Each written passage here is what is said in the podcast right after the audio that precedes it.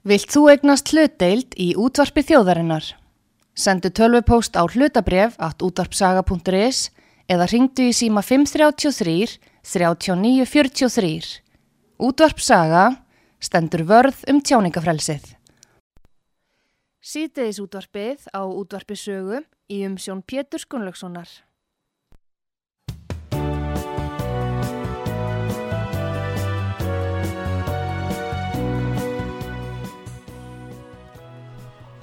Góðir eh, hlustendur, þér að hlusta á útvarp sögu. Ég heiti Pétur Gunnlaugsson og eh, ég ætla að ræða við hann Vilján Birgisson sem er formaður verkalýsfélags Akranis. Sæl og blessaði Viljámur. Já, kontum blessaði Pétur. Nú, eh, við þetta er komin í ákveð verðbólku ástand hér á Íslandi og þá spyr ég þig Í fyrsta lægi, hvað áhrif hefur þessi verðbólka á launakjör og lífskjör skjólstæðingaðina, launafós á Akranis og annar staðar? Já, ég held að sé alveg ljóst, Pétur, að þetta hefur verulega áhrif á launafólk og ekki bara launafólk, heldur Nei. heimilinn, neytundur og líka fyrirtækin, við skulum átt okkur af því, því að núna eru teiknalofti hjá Sælabankanum um að hækka stýrivexti í þessari viku ef ég mann þetta rétt og ég hef lúska grunn um það að meða við það er greiningadeildir sem að hafa verið að rýna í þessi spil að uh, stýrivasta hækkun geti raun og veru ljóðað upp á alltaf 0,5 til 0,75% sem er gríðarlega mikil hækkun og ef að, ef að það stila sér síðan út í breytilega vexti hjá heimilum og fyrirtækjum að þá geta þetta verið miljardar sem að hér eru undir fyrir heimilum og fyrirtækjum. Já, já það, en hvað heldur að skuldir fyrirtækja séu, eru, eru,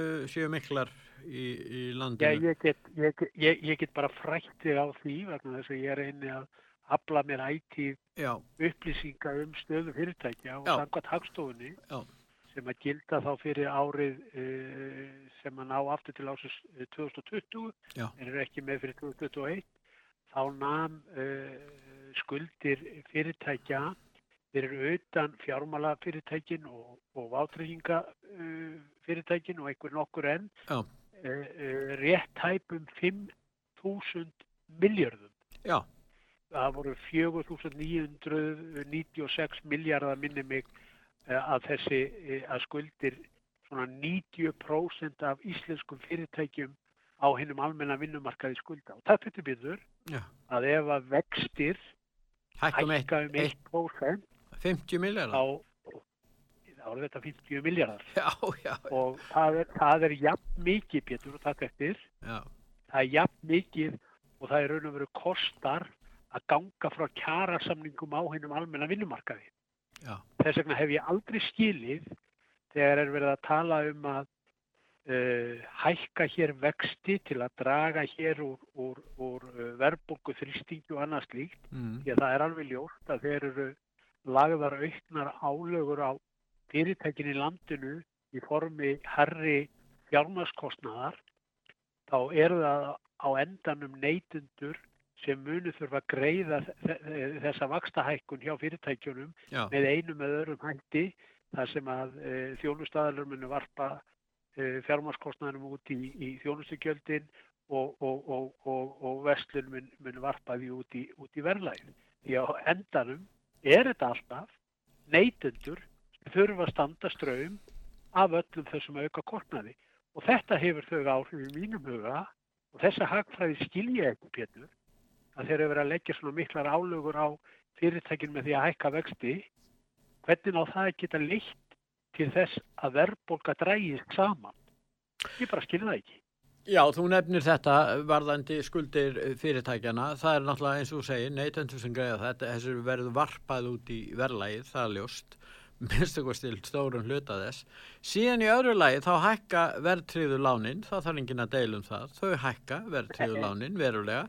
Í þriðja lagi uh, vegna vaksta hækkana og verðbólkunar, síðan er það sveitarfélag og ríkir sveitarfélag á Íslandi, sérstaklega Reykjavíkuborg er stór skuldug sveitarfélag og þegar að vextir hækka þá náttúrulega eigur það álægið á fjárrakstöðu sveitafélagsins sem auðvitað með einum öðrum hætti þýðir það að annarkot verið dreyju og þjónustu, tekin meiri lán eða þá sem er líklegast þeir verið þá bara að leggja meiri álögur á, á sína, sína, skjó, sína borgara. Þannig að við sjáum úr öllum áttum þá, þá, þannig að, að launþegin getur lendi í því að borga meira hæra gjald fyrir sína neslu, uh, hérna greiða miklu herri vexti og verðtryggingu og síðan verður hann að greiða herri skatta eða fá minni þjónustu hjá ríki og sveitafélagum. Þetta er alveg líku fyrir að það ekki, hérna, Vilja. Jú, jú, þetta er bara hárið greining hjá þér og þú nefndir áðan hvaða afleggingar hefur svona verðbólgu uh, hækkun. Núna er verðbólgan í 5,7% og til að upplýsa hlustundur ykkar um að þá skulda Íslensk heimili 2671 miljard Já. og helmingurinn af þeirri uppæfi eða rétt hæflega 1400 miljardar er í verðtriðu skuldum. Þannig að 5,7% af verðbólka, getur tættrættir, 5,7% af verðbólka sem er 12 mánuða verðbólka, þýðir það að höfustóll þessa lánastappa hækkaðum 80 miljardar tæplega á síðustu 12 mánuðum. Og til að setja þetta í samengi bitur, að þá erum við núna að sigla inn í stæðstu loðnuvertið í manna minnum. Það var gefin út kóti upp af upp á 900.000 tonna, það er enda búið lækkaðinir í 800.000 tonna við mann þetta rétt með fréttum í gær, en ok, en þessi loðnuvertið sem er í sögulegu, sögulega eins og mesta sem hefur verið hér í á, um landskeið, áratugaskeið, er að skila íslensku uh, þjóðabúi 60 miljardum í útlökningsteitjur en bara verðtriðar skuldir íslenskra heimila á síðustu 12 mánum eru 20 miljardar herri uppæð heldur en loðnu verðtíðin mun skila í útlökningsteitjur ef að fólk Já, þú tala um hækkunin hjá, hækkunin hjá ég, ég, ég bara tala um að vegna verðbólkunar Já.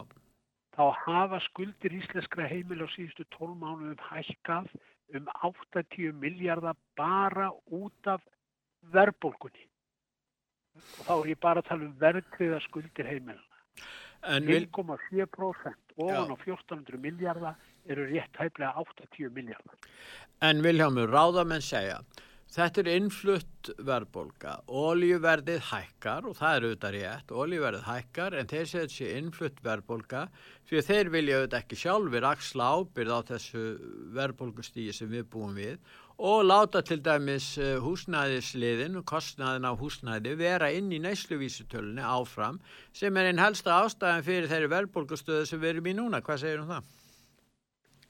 Þetta er rétt og til að fræða ykkar hlustutur á einu að þá er mjög mikilvægt að fólk átti sig á því að húsnæðislifurinn einn og sér, bara húsnæðislifurinn í neysluvístöldni hann er að knýja verðbólkuna áfram sem nefnur 50% af hækkun vísutöldunar og spekingar hafa sagt ástæðan fyrir þessu er vegna þess að því að vextir lækkuð og skart niður og fastegna verð hækkaði og mikið.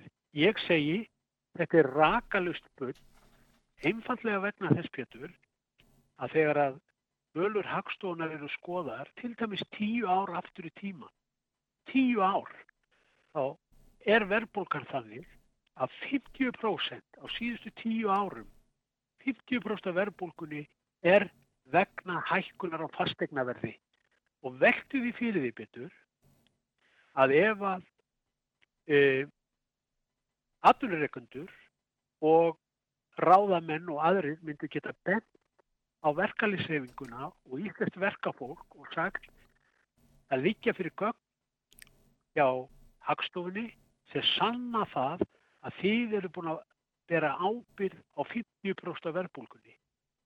Þá er ég hættur um það að fórustuminu verkalýssefingunni er þið bara lokaðir inni eða var þetta að sína það með rökum að við bærum ábyrð á 50% verðbókunni.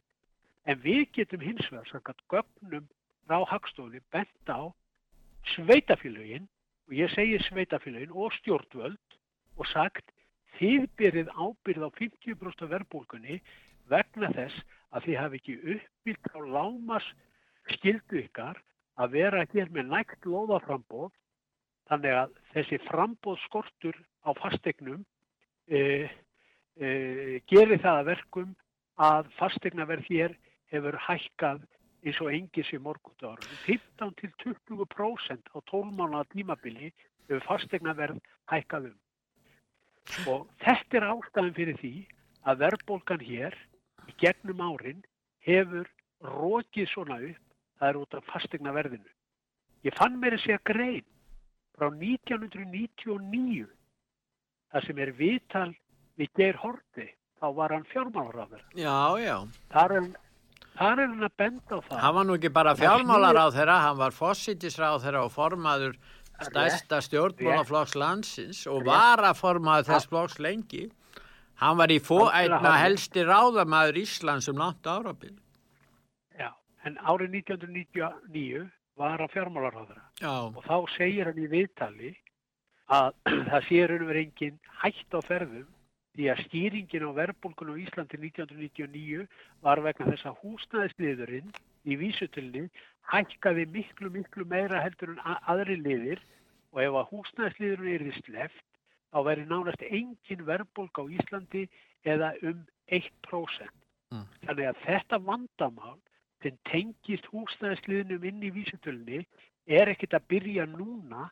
Þetta er búið að vera um áratuga skeið en stjórnvöld, sveitafjölu og aðrir gera ekkert í þessu. Eina sem heyrist Pétur er það að það er þegar kjærasamningar á hennum almenna vinnumarkaði eru lausir, kjærasamningar verkafólks, þá er bent á verkalýsefinguna, bent á verkafólk og sagt allir því að eidilegja stöðuleikan ætti því að valda hér óðaverbulgu og svo framvegis. En ég vil benda á þessa aðil og segja hvernig væri nú að þið myndir nú taka húsnæðislinum og taka hækkun á fastegnaverði út úr þessum lið þannig að við séum ekki að sjá verbulguna æða svona upp eins og hún hefur verið að gera.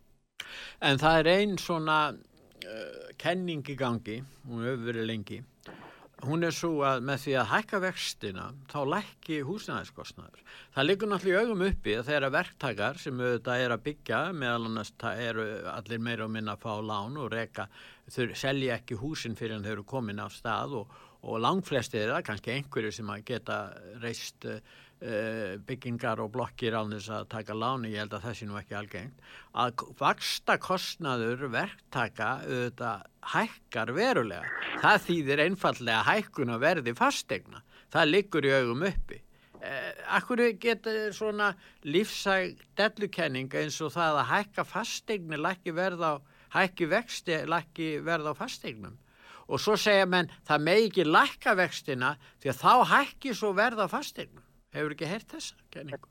Jú, ég hef hert þetta og í þessu samengi þá vil ég minna á bref sem að samtök aðlunni sendu þessum sama aðil og ég var að nefna hann ger horti, þá var ger horti fórsættisáður árið 2007. Mm. Þau sendu bref og bentu fórsættisáðurinn á það að það væri húsnæðsliður sem verið að knýja verðbólkun áfram og í þessu sama brefi þá reykjaði það að stýrivextinnir hafi hækkað úr 5,3% frá árunni 2004 upp í 13,3% árið 2007 þrátt fyrir þessa gríðanlega vakstahækkun þá hefði ekki tekist að slá á verðbólkuna vegna þess að loða og frambórskortur var til staðar og það var slegist um hverja einustu eign. Þannig að hækka vextina svona mikið eins og var gert frá árunni 2004 til 2007, Já. það mistókst það mistókst. Nei, ekki, hvað, ger, eh, við, hvað gerðist 2008, maður stötti því? Þa, það var síðan eitthvað sem að við köllum eitt rísa hrunum. Já, einmitt, og, já, þetta er nefnilega alveg makalust hvað hagfræðingar ymsir og, og til dæmis önnur, önnur kenning eða viðhorf sem er alveg ótrúlega lífseg, það er þessi það er allt í lægi hérna Vilhjálmur að hækka sko lánin og verðtryggingun og hækka þetta allt saman. Og því að þeir sem eru að kaupa fasteignir eða skulda í egnum sínum að þeir fá einhverjar vakstabætur það þýðir það bankanir eiga að fá að græða fjármólastofnanir og, og, og lánastofnanir, þær eiga að græða á hækkandi vöxtum, síðan eigi skattgreðendur að greiða niður þessa háu vexti fyrir bankana og svo er endara með því að menn borga miklu herri vakstakostna og líka herri skatta. Ég meina, þetta er nú ansi skemmtileg svona uh, útfærsla á því hvernig uh, launamenn eiga að lifa í þessu landi. Getur, ég skrifaði bara um þetta sem þú ert að segja núna fyrir fjórum dögum síðan. Nákvæmlega þetta orðrétti svo þú ert að segja þetta. Ég er að segja, það er galið.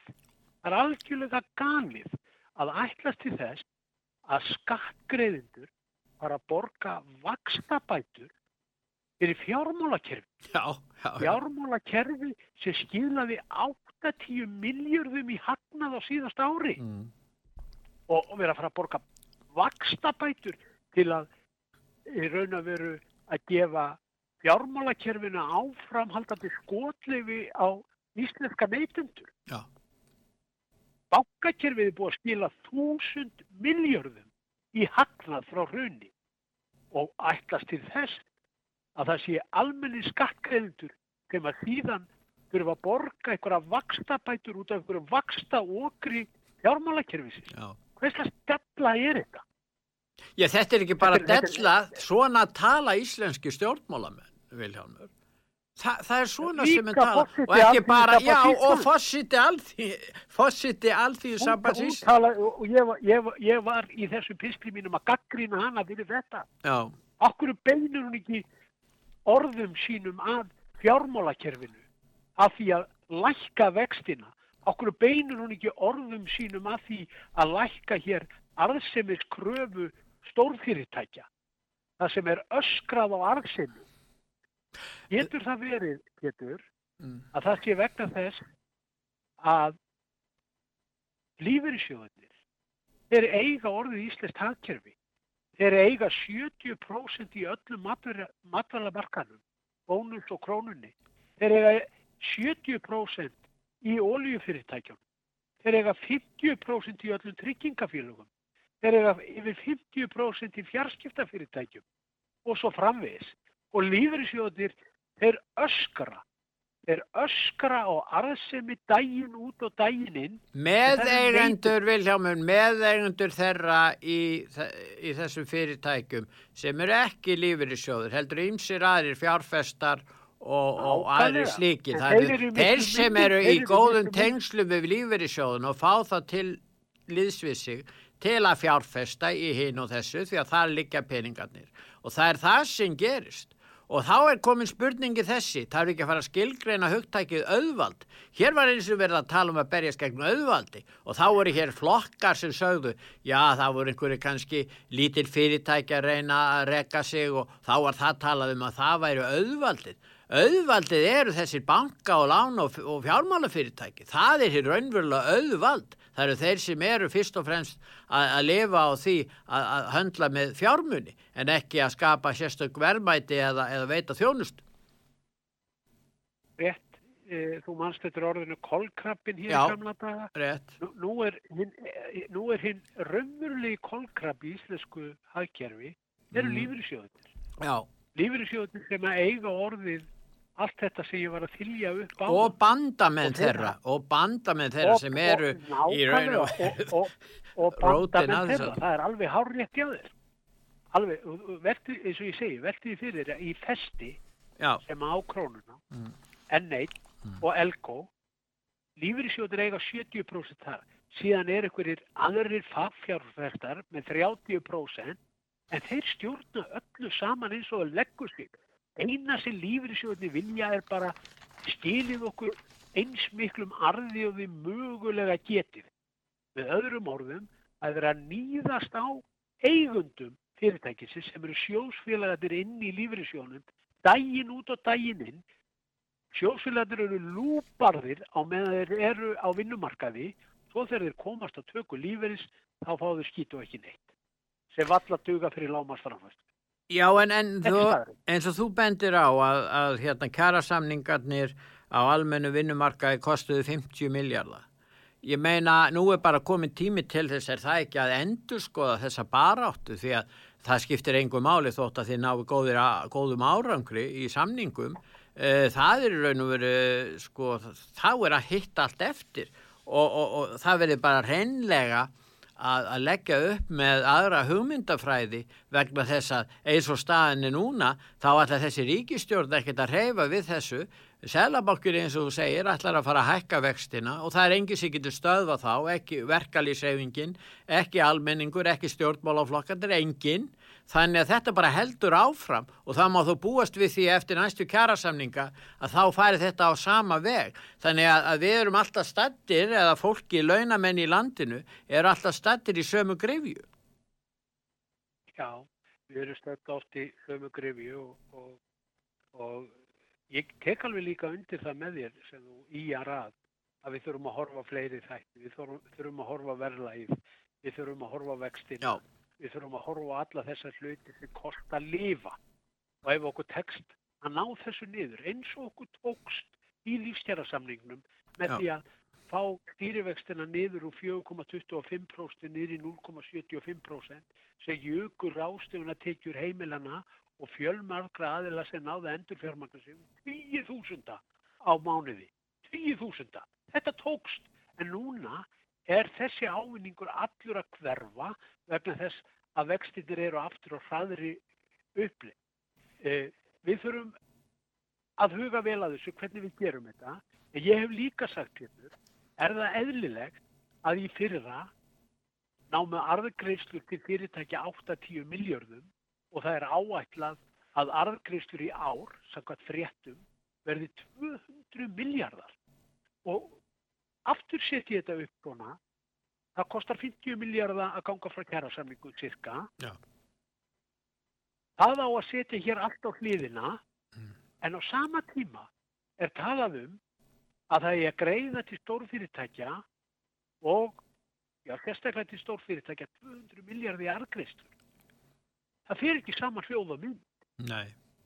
Hvernig er þetta að greiða 200 miljardar án þess að það hafi ykkur áhrif til eigenda fyrirtækjana en að borga fólkinu 50 miljardar, það á að leggja allt í rúst. Græðkin, arðsemi skræðkin í íslensku samfélagi er orðin svo rosaleg að ég held að næsta barátumál okkar í verkefliðsefingunni, það er það að ná niður þessari, þessari arðsemi skræðki, við skulum tökum sem dæmi að hjá, hjá viðskiptaböngunum trefur þá er meðaltals arðsemis e, krafa eða sem stilaði þeim af eigi fjö um 12%. 12% hjá böngum á Norðurlöndunum að sambarliði stæðir og íslensku bókarnir Þar er aðsemiskrafan 2,5-5%. Hér eru 12%. Já. Þannig að græðkin með verða átt að sjá því að þegar að eigi fyrir hjá íslensku böngunum er komið í 600 miljardar og þeir eru að fara fram á 12% arsemi, þá vilja þeir ná 72 miljardum í arsemi. Þetta er, þetta er algjörlega galið og til að ná þessari arsemi, Pétur, þá þarf að, þurfa vextir að vera háir, vaksta munurinn þarf að vera mikil, þjónustugjöldin þurfa að vera há og svo framvegis. En sko vandin, ef við tölum um kerfisvanda, þá er hann sá að það eru tengsl viðskipta og stjórnmála.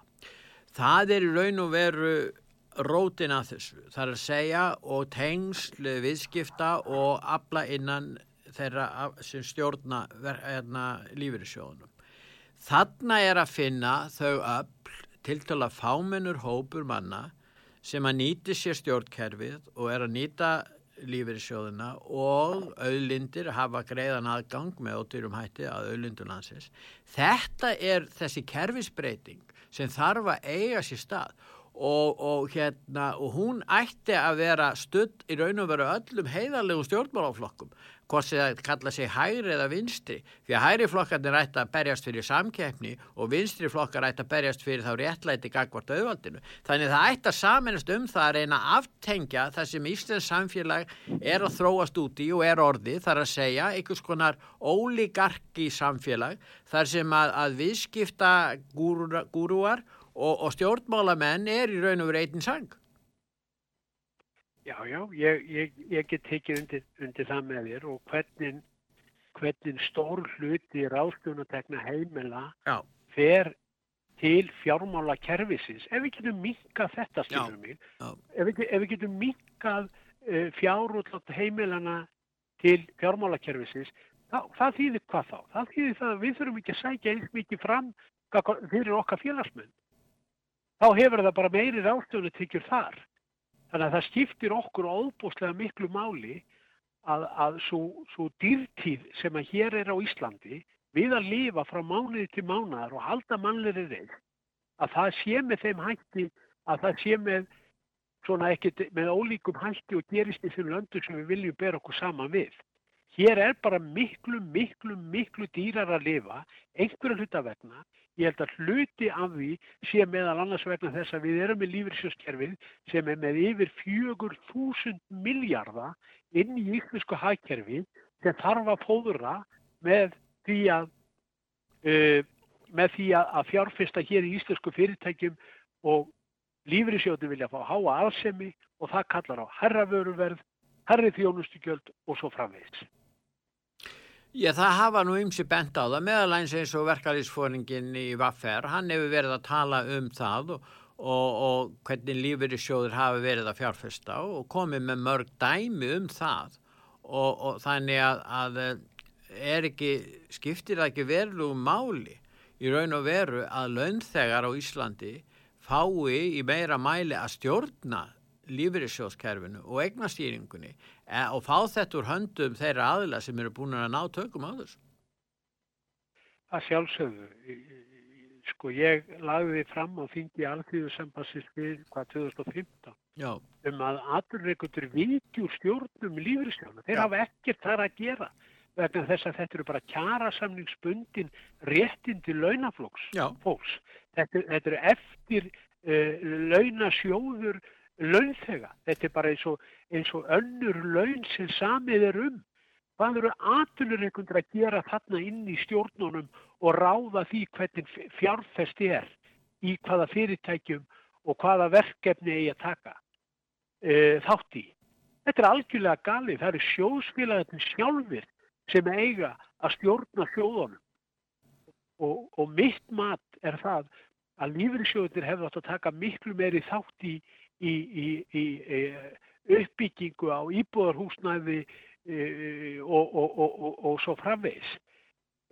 Þeir hafa ekkert vilja taka þátt í því. Þeir vilja miklu freka taka þátt í, í þessu stórfyrirtækjum eins og, eins og festi og högum og öllum þessu reysastóru fyrirtækjum inn í kaupöllinni. Þar vilja þeir vera. Og enn og aftur að til að fá alvöru arðsemi þá þurfa þessi fyrirtæki að vera með vöruverð og þjónustugjöld í hæðstu hæðum. Nú það var nú þingmaður sjálfstæðisflokksins á sínum tíma Pétur Blöndal sem vildi að launþegarsamtökin fengju meiri völd innan, innan lífyrirsjóðana. Það var nú ekki tekið vel í það innan hans flokks, til dæmis. Hann talaði oft og hefur oft talað um lífyrsjóðan sem um fyrir án hyrðis. Hann gerði það blessaður á sínum tíma. Við vorum ekki alltaf samanlega á Péturinn. Það var æði margt sem að hann sagði sem að uh, hljómaði mjög. En hann hafði áhuga á þessu málaflokkum og hann vildi að færi fram umræða um þessa þætti. Í staði fyrir það að það er engin umræð um þetta og síðan eru þeir aðlar sem eru ráðamenn og, og þeir sem að, að hafa völdi hér og, og, og aðgangin að, að réttum tengslum og öðru slíku að þeir standa uppi með pálmann í höndunum í dag? Ég held að menna þetta veltaði tólti fyrir þér. Akkur náði Pétur heitinn Blöndal ekki meiri fræð og frama innan síns flokks, meiri áhrifum heldur en að gerði. Getur Já. það verið það? Það sem að hann var að segja, það hljómaði ekki við hagsmunni elitunar. Ég held það. Hann bara vart aldrei við því að tala um, um fjö án hyrðis og að fara betur með á fjármunni sem þarna voru. Já. Það er bara þessa skoðanir, það er rúmuðust bara ekki innan flokksins en það náðan aldrei að verða uh, sko með áhrif á miða við uh, í raun og veru hversu afkasta mikill hann var. Hann fekk mikinn stuðning í prófkjöri hérna í Reykjavík um þessa kosti. Já, já, já. Hann fekk mikið stuðning, hann var í efstu sætunum og, og það er réttið þér, hann var aldrei ráð þeirra. Hann var aldrei ráð þeirra. Nei. Aldrei ráð þeirra. Nei, nei. Það er nokkuð aðteglisverk hvernig þetta var og hérna... Já. Já, já og, og, og hérna sko það sem mér finnst má, í þessu samhengi þá er rétt að geta þess sem ég var að segja á þann að hann vildi ræða þessi mál, hann var tryggingafræðingur og hann vildi ræða um breytingu á, á, á, á hérna, bótum og launum til öryrkja og eldriborgara. Hann vildi koma á breytingu þar á. Hann var í nefnd sem átt að framkvæma breytingar. Þær breytingar hafi ekkert átt sér stað síðan hann fjall frá. Nei, það var þetta... Það bara, hann, hann bara loknaðist út af með, þegar hann, hann, hann fjall frá. Algjörlega. Er það ekki, merki, er það ekki merkilegt að þetta skulle hafa gæst? Jú. Hæ? Jú, jú, hann var, hann var að vinna með svo kallar starfsgetum mat Já, já, já, menn geta deilt um það og það er allt í lægi, menn geta en hann allavega hafi gerði sér grein fyrir því að það þyrst að ræða þessi mál og komast að einhverju niðurstöðu sem við getum sætt okkur öll við. Algjörlega, algjörlega og hann, hann vann öllulega í þessu og hann leiti þessa nefnd á sínum tíma en það er alveg rétt í það að eftir að hann fellur frá að þá hefur voðalega lítið heyrst af þessu málum. Hann kom meira sem með tilur í sambandi við breytingar á útlutun og aflaheimildum. Og, Já, og sko, það, það, að... það var nú ekki það var nú ekki vinsalt í hans ranni skal ég segja það er að segja pólitíska ranni. þegar er verið að rugga þeim bát sem lítur að sjáarauðlindinni og ef að það fer eitthvað gegn eh, flokks eh, elitunni þá komast menn ekki langt. Það, það er bara starrend og þetta er kannski svona enn eitt vegvísirinn og staðfestingin á því af hverju Pétur var til dæmis aldrei ráð þeirra. En hvernig metur þú núna stöðuna? Áttu vona því að þessi ríkistjórn eða þeir stjórnmálum eins og ráða núna muni hérna leiðrætta ímislegt sem við vorum að ræðum í þessum þætti? Nei, ég ætla bara að vera alveg heiðalögur. Ég er ekkit vissum það að þau muni gera það og, og, og eh, en við verðum að vona. Ég ger mér þess að grein fyrir því að komandi, komandi mánuðir verða mjög erfiðir því að ég held að hluti af þeirri verbolgu, innfluttu verbolgu vegna þeirra gríðalegu kostnarhækana Já. sem eru erlendis því að verbolgan í Þískalandi, Noregi, Bandaríkjónum og víðar hún er á þeim stað núna sem að þessa þjóðir hafa ekki séð áður. Ef ég mann rétt þá held ég að verðbólgan í bandaríkjanu sé ykkur starfingu 6%. Hún er yfir 7%. Hún er yfir, komin yfir 7%. Hún er yfir 7%, já, ok. Já. Þannig að, að, að þessar verðhækkanir frá bandaríkjunum að víðar mm. munu náttúrulega byrtast hér já. og eru byrjar að byrtast og munu síðan koma fram í, í, í verðhækkunum hér og ég held að, að við séum ekki búin að sjá fyrir endan á, á, á töluverðum verðhækkunum sem að ég tel að munið inn í á okkur núna næstum vikum og mánuðum. Já, þetta verður erfitt. Þetta verður erfitt, en hérna við fylgjumst með þessu. Ég þakka þið fyrir hérna Vilhelmur. Ekki máluð, takk, takk. Takk, takk. Bye, bye. Og já, þakka þið fyrir þetta og við ætlum núna að hlýða á ölskar. Sýteðis útvarpið á útvarpisögu í umsjón Pétur Skunlökssonar. There she was, just walking down the street singing. Tapping her fingers and shuffling her feet singing. She looked good, she looked fine, she looked good, she looked fine nearly lost my mind. Before I knew it, she was walking next to me singing.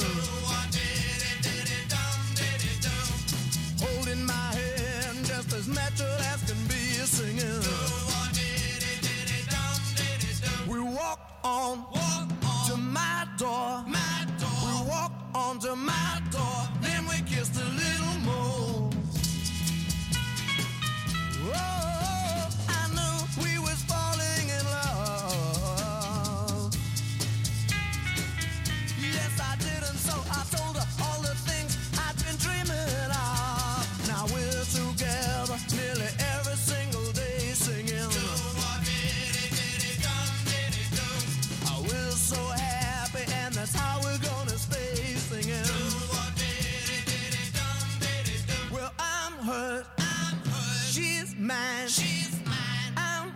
She's mine. Wedding bells are gonna chime. Oh, I knew we was falling in love. Yes, I did, and so I told her all the things I'd been dreaming of. Now we're together nearly every single day singing.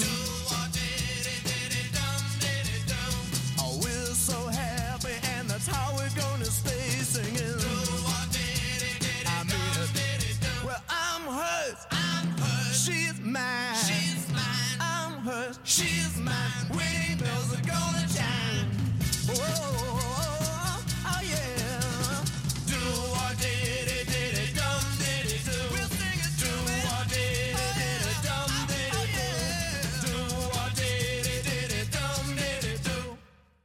Símatími alla morgna með Pétri Gunnlaugsinni, þar sem þjóðarsálinn lætur í sér heyra.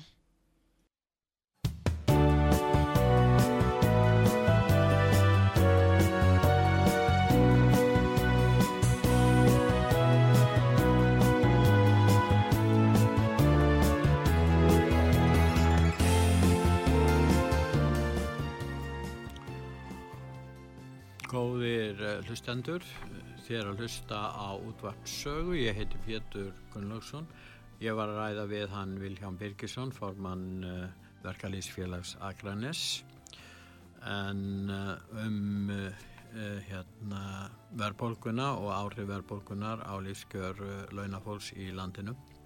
Nú hann skrifaði Rita Grein, hann Vilhjánmur í gær sem að uh, fjallar um meðal annars um þetta undir heitinu yfirborðs og síndar mennska stjórnmálamanna.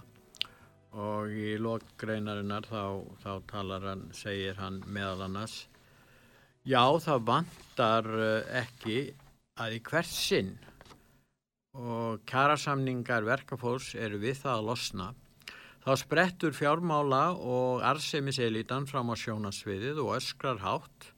Verkalýsreifingin hefur stöðuleikan og verðbólguna í hendi sér með því að ganga frá hófsömum kjærasamningum. Hins vegar heyrist ekkert í arsemisgræðgis elitunni um það að það er ekki verkafólk og verkalýsreifingin sem ber ábyrð á verðbólgunu heldur lóða og frambóðskortur á fastegnamarkaði eins og gögg frá hagstofinni staðfesta algjörlega. Við stjórnmálamenn og sveitarstjórnamenn vil ég segja, segir Vilhelmur, vil ég segja í Guðanabænum hætti þessari yfirborðs og síndarmennsku og farið að taka á málum eins og mælingu á húsnæðisliðnum sem er í nesluvísutölunni. Hagsmunamál sem hleypur á hundruðu miljardar fyrir heimilinn, neytendur og fyrirtæki í þessu landi. Og hérna, já, þetta er auðvitað stór mál og skiptir máli fyrir auðvitað þá sem að hafa keft húsnæði og skulda í húsnæðin sínu eins og mikill meiri hlutum manna gerir og oft eru það verð til lán. Nú síðan er það fyrirtækin sem að skulda mjög mikið og, og uh, það er spurningin hvernig þeir geta mætt komandi vaksta hækkunum sem eru bóðar án þess að, að hérna, velta uh, vaksta hækkunum inn út í, í verlaði hjá sér og svo er það sveitarfélagin sem eru skuldu og, og er að gefa út græn bref sem ábyggilega eftir að hækka vextindi þar. Sko það er verið að velta þessu líka yfir á næstu, hérna, næstu kynnslóð. Þannig að, að unga fólkið ætti að gera sér græn fyrir því að það skipti verulum máli að það láti í sér heyra fyrir að, að þessi stefna eins og hún er ekki núna verður til þess að það verður með erfiðara fyrir næstu kynnslóð að eignast húsnaði vegna þess að skuldir sveitafélaga og hins opimbera og annara þannig að, að verða það miklar. En eh, ég vil taka öllum sem hafa verið að hlusta okkur núna verið í sæl.